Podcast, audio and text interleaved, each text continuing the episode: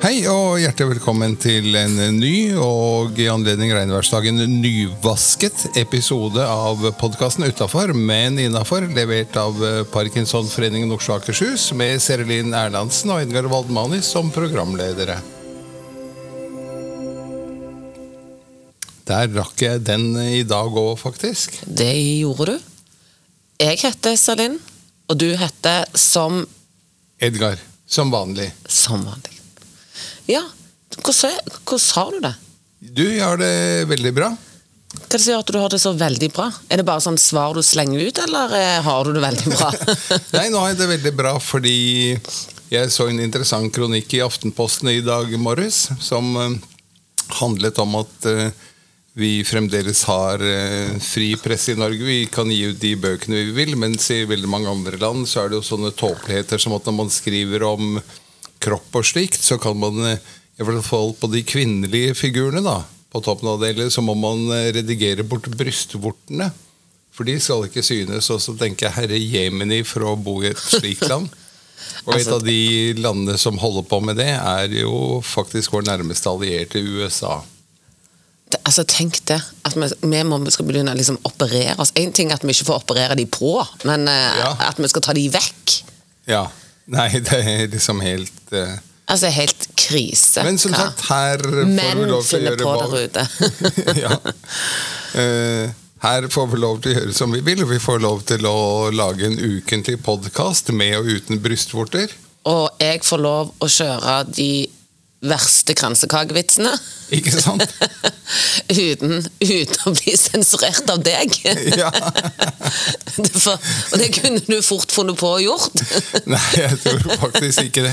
Jeg er så glad at folk skal få lov til å si hva de mener. At eh, Nei, det, det skal jeg ikke gjort. Men skal vi få en ukens gjest, da? ja, det tenker jeg vi skal. Vi har eh, Hvem er hun? Du, det er en ernæringsfysiolog fra Rikshospitalet som heter Vilde Aabel Skodvin. Nydelig. Da får vi hun inn.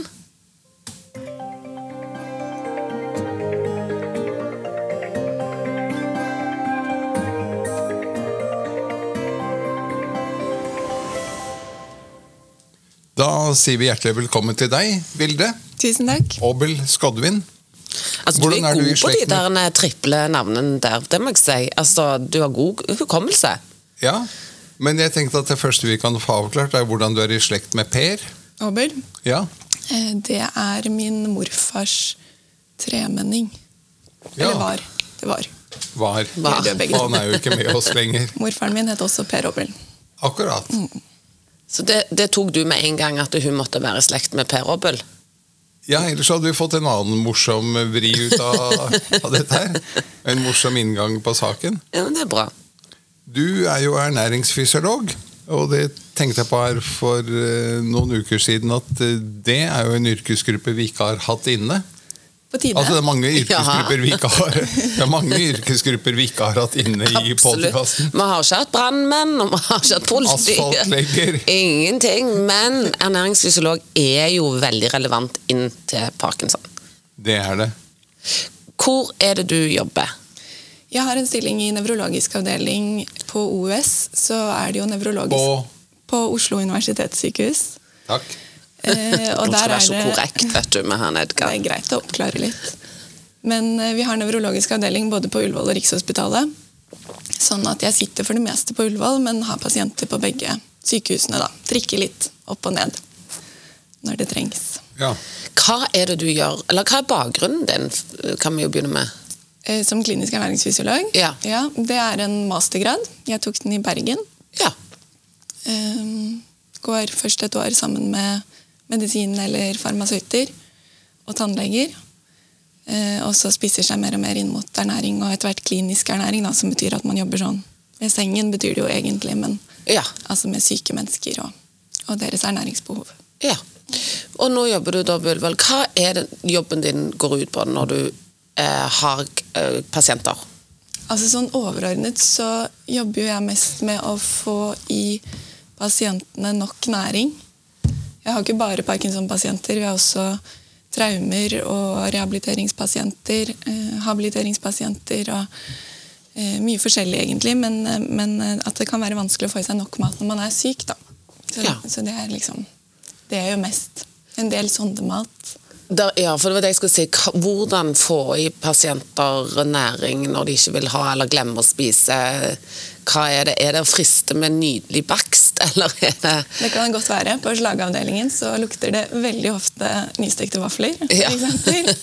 oi, oi, jeg føler at jeg uh... Har lyst på Nei, men Vi prøver så godt vi kan med vanlig mat først, og tilsetter litt sånn ekstra godsaker i den vanlige maten for at det skal bli nok. Og Hvis vi ikke kommer i mål med det, så må vi bruke næringsdrikker og så sondemat kanskje, eller til og med intravenøs ernæring, da, hvor vi gir maten rett i blodet. Men det, det, prøver vi å unngå. Men så er det jo dette her med at eh, er det sånn at gjærbakst, eller bakst generelt sett, er det liksom Spiller det ingen rolle hva en får i seg, bare en får i seg noe, eller er det skal innholdet For det er jo ikke sånn at vi vanlige folk blir anbefalt å spise mye gjærbakst til dagen. Nei, det er helt riktig. Eh, det kommer nok litt an på hvor underernært man er. For hvis, hvis man har lav nok vekt, eh, så er det fritt fram. Alt er bedre enn ingenting. Ja. Eh, ganske omvendt av det de fleste tenker når de hører at jeg er ernæringsfysiolog. Da er det frem med gulrøttene og Ja, absolutt. Jeg hadde med meg druer i dag. jeg skal legge til at eh, ved siden av druene så på bordet ligger det litt diverse melkesjokolade med Kvikk Lunsj, melkesjokolade med Dime, Toffin med mere. Yes, så her har vi spennet. Her er det energi og næringstett også. Ja. Men sånn altså i det daglige, hvor viktig er kosthold for eh, oss som har parkinson? Eh, altså jeg vil jo si at Kosthold er eh, livsviktig for alle. Det er jo det som gjør at vi lever og har det så bra vi kan. Det er også veldig mye med hvordan vi spiser som påvirker hva slags helse vi får senere i livet. Eh, men hos parkinson spesielt så er det jo noen ekstra utfordringer eh, som vi kanskje må ta hensyn til. Da. Og det er? Det kan være mye.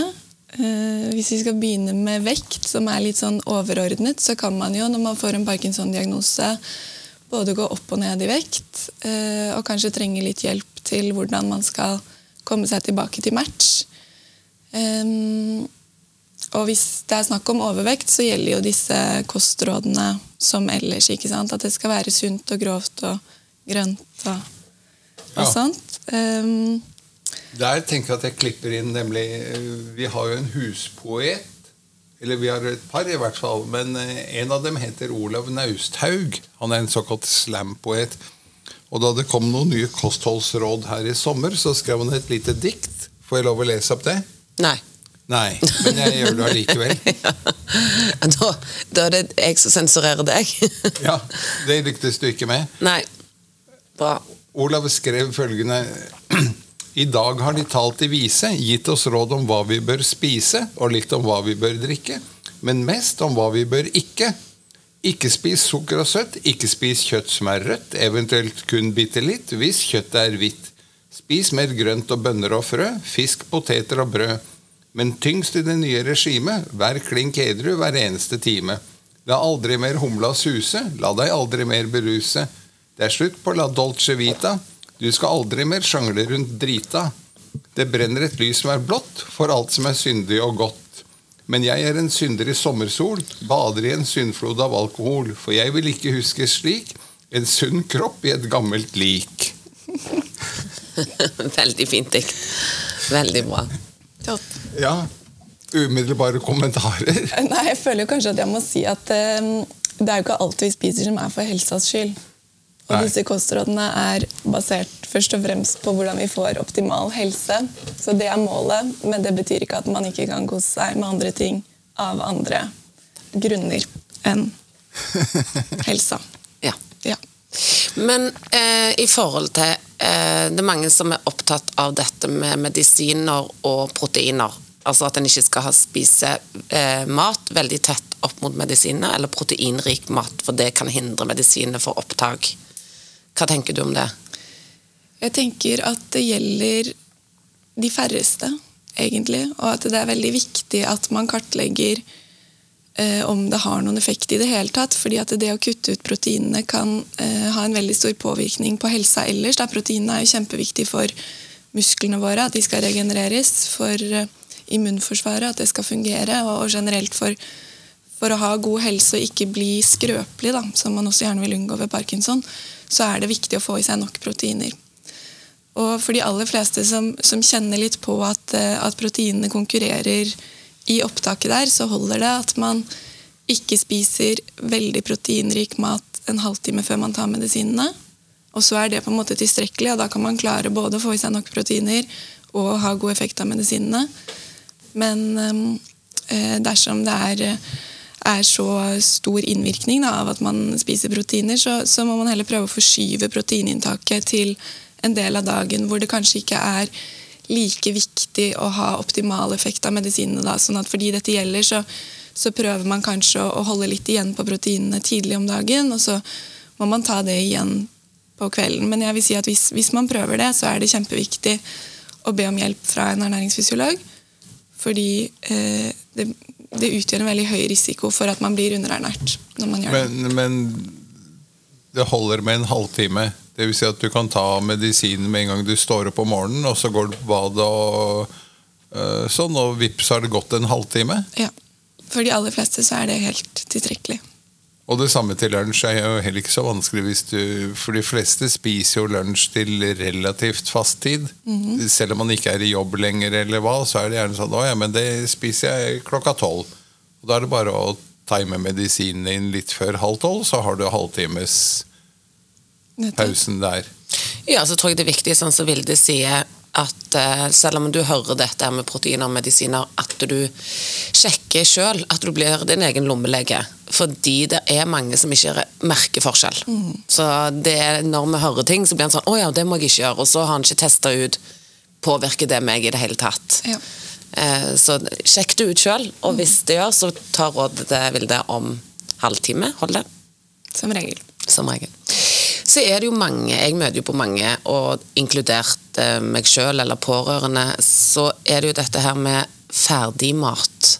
Altså E-stoffer og ting som er bagetter som ligger i vakuumpakka poser, eh, eller frossenpizza, eller Fjordlands, som er mange som enslige syns er veldig greit å varme opp. Hva tenker du om det? Med og uten sykdom. Fjordland er veldig praktisk. Kjempeenkelt. Kjøre på med det. Kjøre på med det. Så det er ikke ja. noe sånn Du er ikke E-stoff opptatt, eller hva heter det når eh, maten nå er ferdig Du tenker på ultraprosessert mat. Ultraprosessert ja. mat. Ja. Jeg er opptatt av. Det er et sånt nytt uh, buzzword som har kommet siste det... halve trekvarte året. Absolutt. Jeg er opptatt av det. ja. Det som er utfordringen med ultraprosessert mat, er vel kanskje at um, den definisjonen som vi bruker nå, er veldig bred. Vi kunne sikkert snakket en hel time om bare det. Men um, det kan se ut som at uh, det finnes noe inni der som ikke nødvendigvis er så ille for helsa. Og så uh, kan det bli feil hvis man bare går etter det. Da. Men med disse nye kostrådene som jeg nevnte så vidt i sted, de, uh, de sier jo at vi skal unngå prosessert kjøtt vi skal unngå prosessert mat med mye fett og sukker, særlig mettet fett. sånn at det, det, er nok absolutt noe i det, og så er det sikkert mye vi ikke vet enda, men, men sånn, på det jevne så ville ikke jeg brukt det som, som pekepinn for hva man skal spise og ikke. og Kanskje særlig igjen da, hvis man er i risiko for underernæring eller er underernært, så må man se litt bort fra det. For da gjelder det å, å få til det som er gjennomførbart og enkelt nok ja. og bra nok. Så da trenger ikke de lese disse artiklene i avisen som popper opp hele veien om ultraprosessert mat. Da er det bare til å tenke nei, jeg kan spise hva jeg vil, bare jeg spiser. Yes, det gjelder for så vidt mange sånne overskrifter i VG og Dagbladet. Trenger ikke å gi de så mye oppmerksomhet. Nei, det er helt riktig. Jeg hadde et spørsmål på tunga, men nå glapp det inn, for du pratet så fælt her.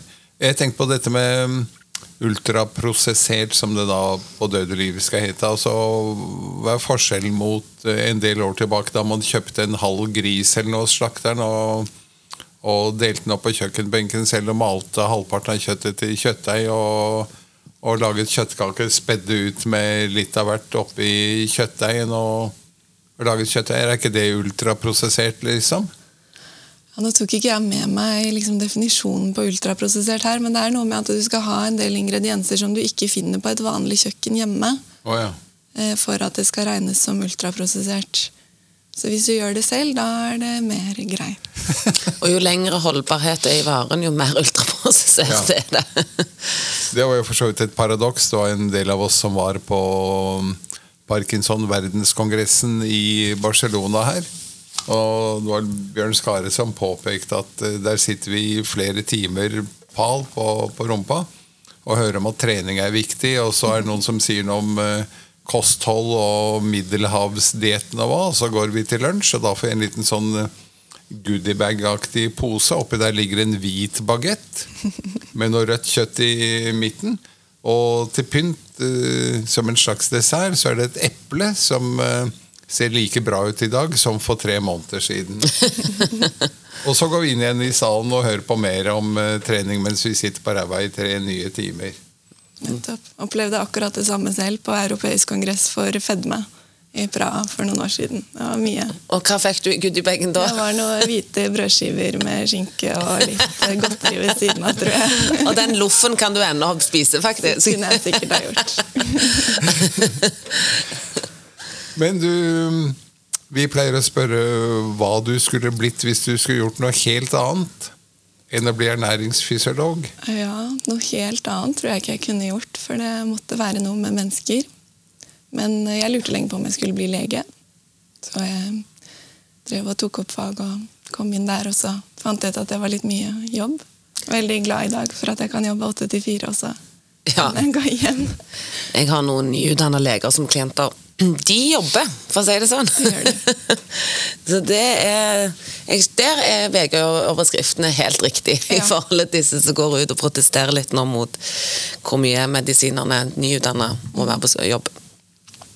Men eh, Så du uansett jobbet med mennesker. Ja, Ja. jeg vet ikke. Kanskje jeg kunne blitt psykolog. Det syns jeg også er veldig spennende.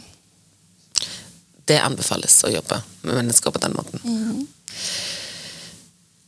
Og da Ja, Vi pleier også å spørre om en fun fact. Fun så hva er det bare noen få vet om deg?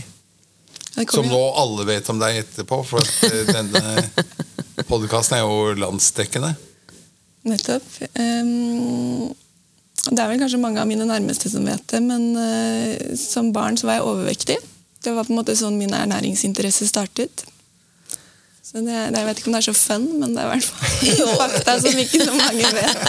Ja, jeg synes det var både fun, og for nå sitter jo nå er, er de beste bildene på radio. Ja. og nå sitter jo du en veldig, veldig slank eh, jente. Sånn at eh, det går ikke an å se at du var overvektig som barn.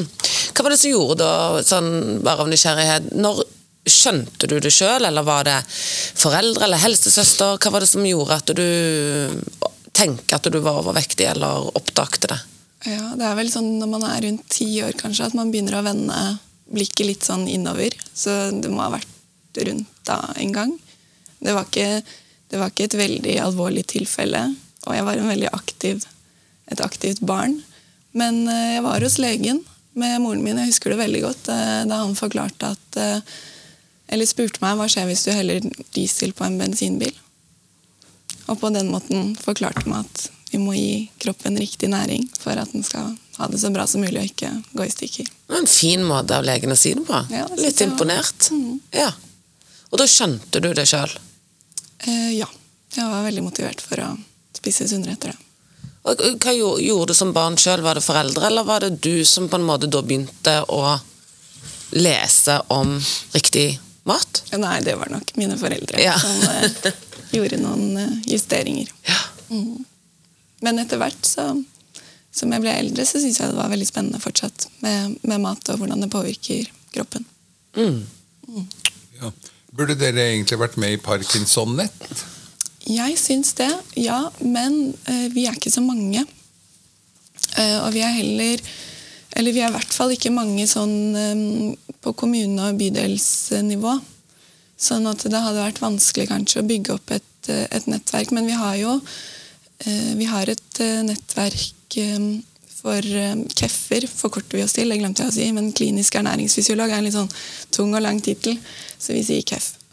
Så vi har KEFFER som jobber med nevrologiske lidelser, som en sånn nasjonal arbeidsgruppe. Vi skal ha workshop nå på fredag, faktisk. Eh, så, sånn at Der får vi utvekslet litt, men, um, men, vi har ikke helt den samme muligheten som fysioterapeutene kanskje har til å liksom overføre kunnskap ut i bydelen, og så skal det følges opp der. Så, så vi, eh, vi, har nok egentlig de fleste nevrologiske pasientene selv i spesialisthelsetjenesten. Da. Men hvis du har parkinson-klienter hos deg, eller pasienter. Eh, hvordan kommer de til deg? Er det sånn fordi at de er innlagt, eller kan de bli henvist? Eller hvis noen vil komme? Det går an begge deler. Ja. Vi har både innlagte og polikliniske pasienter. Så eh, man må henvises fra lege for å snakke med oss. Eh, og vi trenger da det som heter sekundærhenvisning, sånn at det må være en lege på sykehuset som henviser til oss. Men det er eh, nevrologene, da ja. som eh, ofte trenger en liten påminnelse. Jeg har mange pasienter, så står det liksom langt tilbake så står det vekttap. Vekttap. Har gått ned i vekt. Ikke meningen. Får næringsdrikker. Ikke drukket i. Og da, da, kunne vi ha gjort en kjempejobb, tenker jeg, for, for, lenge siden. Hvis vi hadde fått de pasientene tidligere. Så det er uh, veldig fint å være her kunne oppfordre pasientene selv til å si jeg tror jeg kunne ha nytte av å snakke med en ernæringsfysiolog, fordi jeg strever med å holde vekta eller klarer ikke å få i meg nok mat.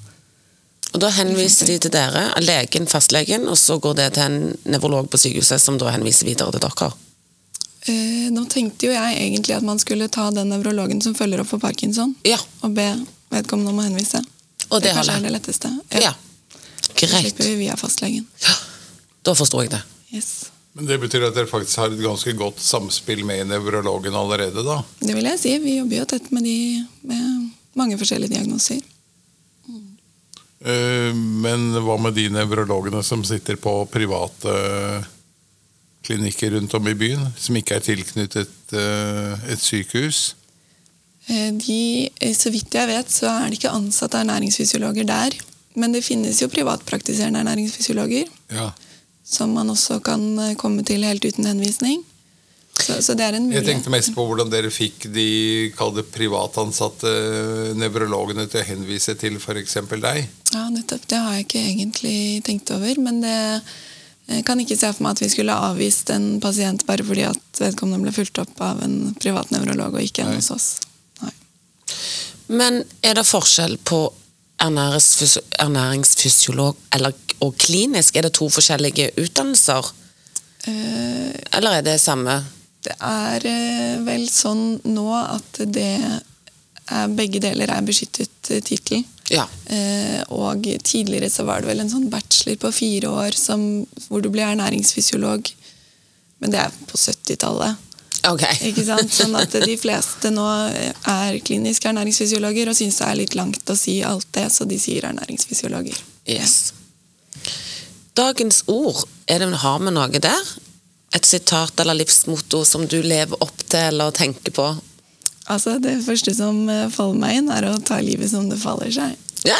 Det må man jo nesten bare gjøre. Ja. ja. Så det prøver vi. Nydelig. Er du flink til deg selv? Jeg tror det. Jeg liker å tro det. Ja. er du, du det, Edgar? Når du plutselig får eh, melding i innboksen om at det er noe feil på skattemeldingen, så du får x tusen i baksmell, så sier du ja, ja, nei, en får bare ta livet som det faller seg. nei, jeg må innom en liten sånn eh, en runde ned i kjelleren først, sikkert, da, og så krabbe meg opp igjen etterpå. Men det tenker jeg er helt lov. Ja. Og det er helt normalt at når vi skal ta livet så det faller seg, men når det kommer store ting i livet, så må vi må man liksom litt ned for å komme opp igjen. Ja. Det er ikke det første jeg sier til en pasient som har fått en alvorlig diagnose. Nei. En får bare ta livet som det faller seg. På ingen måte. Jeg sier det uken etterpå. Ja, kanskje et par måneder senere. Ja. Du, vi skulle hatt en quiz, men um, Vilde har avslørt at hun er ikke så glad i quiz. Ja, men da dropper vi en quiz. Er, ikke det, er ikke det lov? Det er lov, som et unntak. Og de som er veldig interessert i quiz, kan uh, gå tilbake uh, noen uh, episoder. Det hadde vi faktisk en morsom test på. Jeg var på medlemsmøte i Oslo Syd forrige uke. Og eh, da hadde Einar Ebje, og jeg selv laget et eh, spørreskjema som i hovedsak var quizene fra de siste fem episodene. Og det var ganske overraskende hvor eh, overraskende dette kom på folk. Hvor jo ganske mange hadde hørt på podkasten. Men når spørsmålet om Norges nest største isbre kom opp igjen, så var de like blanke som eh, Jeg, meg. som de to var da den kom opp. Men akkurat den eh, husker jeg faktisk at eh, vi landet. Og det var Svartisen. svartisen. Ja da. Så Da er det. den. ja. Husker du flere spørsmål fra medlemsmøtet? Eh, det var Det var jo Norges nest største innsjø. Som jeg ikke husker svar på, men jeg kan tredje største, for det er Femunden. Ja. Da, det, da har vi kjørt to spørsmål. Det holder, det. Men når vi var på medlemsmøter du, Dere hadde medlemsmøte i går, hadde dere ikke det? Det hadde vi. Hvor det var musikk og hjernen, bare på en, med en ny dame? Ja. Lærte, kan du trekke ut en ting du lærte på møtet? Eller som du sitter igjen med fra intervjuet?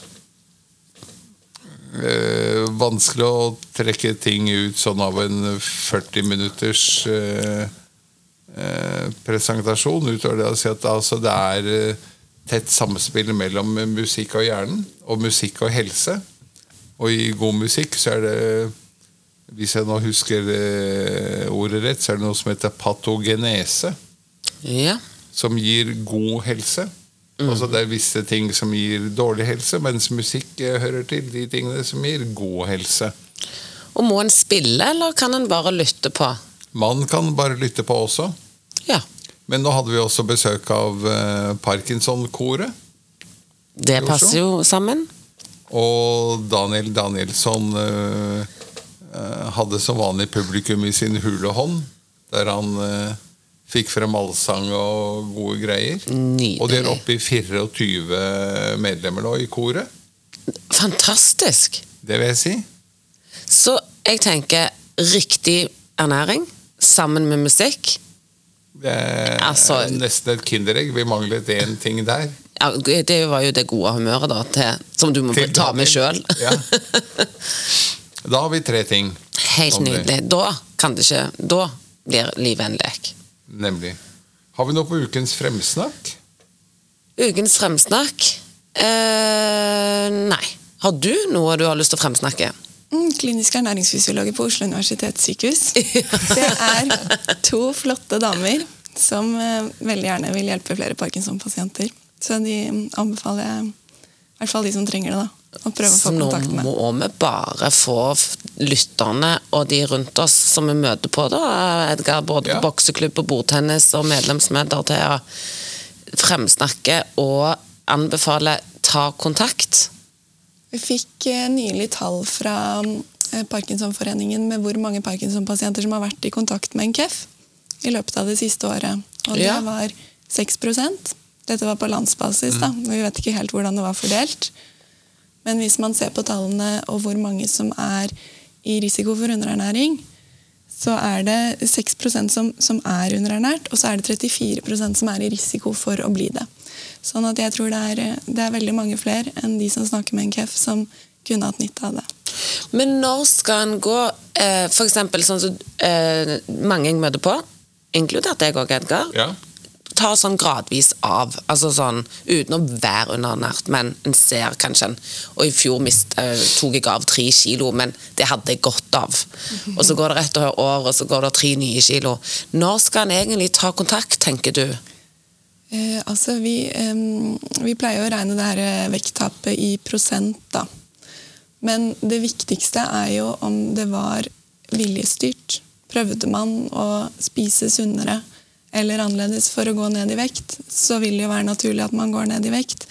Men hvis man egentlig ikke gjør noe for å gå ned i vekt, men at det heller skyldes at, eh, at det er vanskelig å få tak i mat, eh, få i seg mat, eller vi har det her med luktesmakssans eh, som blir dårligere, eller at man har mye ufrivillige bevegelser, da er det ikke så nøye med hvor mye vekt man mister. Da, da tenker jeg at da bør man gjøre noen tiltak for å unngå vekttap i det hele tatt.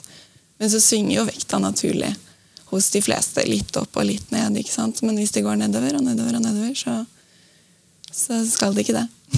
Ja. Og motsatt eh, hvis det går opp og opp og opp. Da er det ikke spesialisthelsetjenesten eh, Eller det er ikke det vi jobber med, men, eh, men det er absolutt greit å følge litt med på det også.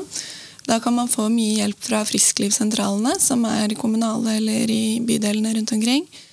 Eh, De har noen sånne fine bra matkurs som kan være både motiverende og kunnskapsnyttig i forhold til å spise litt sunnere, da. Man kan jo også skyte inn kanskje at eh, det er veldig vanlig å bli forstoppet når man har parkinson, og da også kan man gjøre litt med kosthold. Få mer fiber og nok væske for å forebygge og, og um, jobbe med det. Hva er det som gjør Er det medisinene som gjør at en blir forstoppa, eller er det sykdommen? Jeg ble usikker, men jeg tror det kanskje er sykdommen i seg selv. Ja. Men, eh, Så du sier at væske, altså vann, vil hjelpe på forstoppelse? Kjempeviktig. Ja. Kjempeviktig. Fiber, og for de som da kanskje ikke vet hva fiber er, hva, hvor har, hvilken mat får vi mye fiber i? Eh, Vi får aller mest fiber fra grønnsaker og grove kornprodukter. Og bønner og linser, kikerter, sånne belgvekster. Det er de er det viktigste bare å begynne å spise hummus og falafel. Det er kjempebra for tarmen.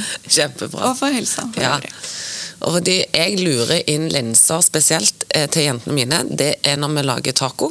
Så er det samme konsistens som kjøtt, hakka kjøttøy. Så jeg har alltid en boks med linser i tacokjøttdeigen. Vi også. Ja.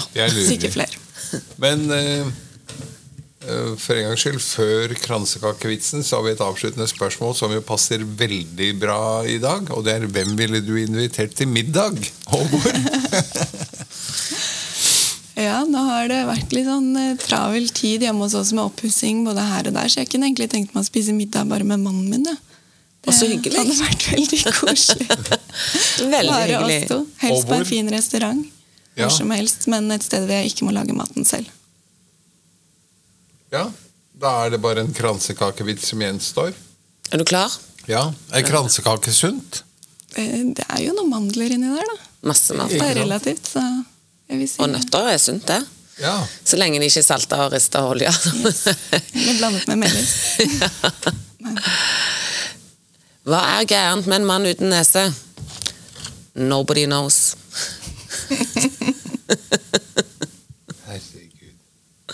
Jeg tenker vi setter strek der. Vi sier takk til deg, eh, Vilde Obel Skodvin fra Oslo universitetssykehus. Tusen takk for meg. Tusen takk for at du kom.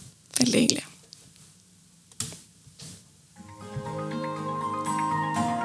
Det var alt i denne episoden av podkasten Utafor, men innafor, levert av Parkinsonforeningen i Oslo Akershus, med Serlin Erlandsen og Edgar Woldmani som programledere. Yeah.